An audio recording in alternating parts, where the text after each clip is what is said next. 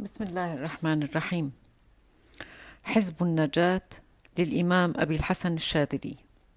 هذا الحزب يدعى به لإزالة الشدائد والأمراض الباطنية والظاهرية. بسم الله الرحمن الرحيم. اللهم فك أقفال قلوبنا بمشيئتك وأحسن توفيقنا بدوام الصدق في إرادتك.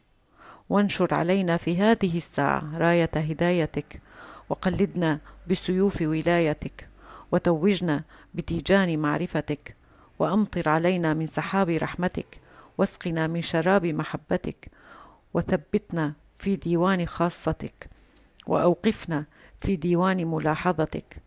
وصف سرائرنا ونور بصائرنا واجمع شملنا في حضائر قدسك وآنسنا بلطيف أنسك.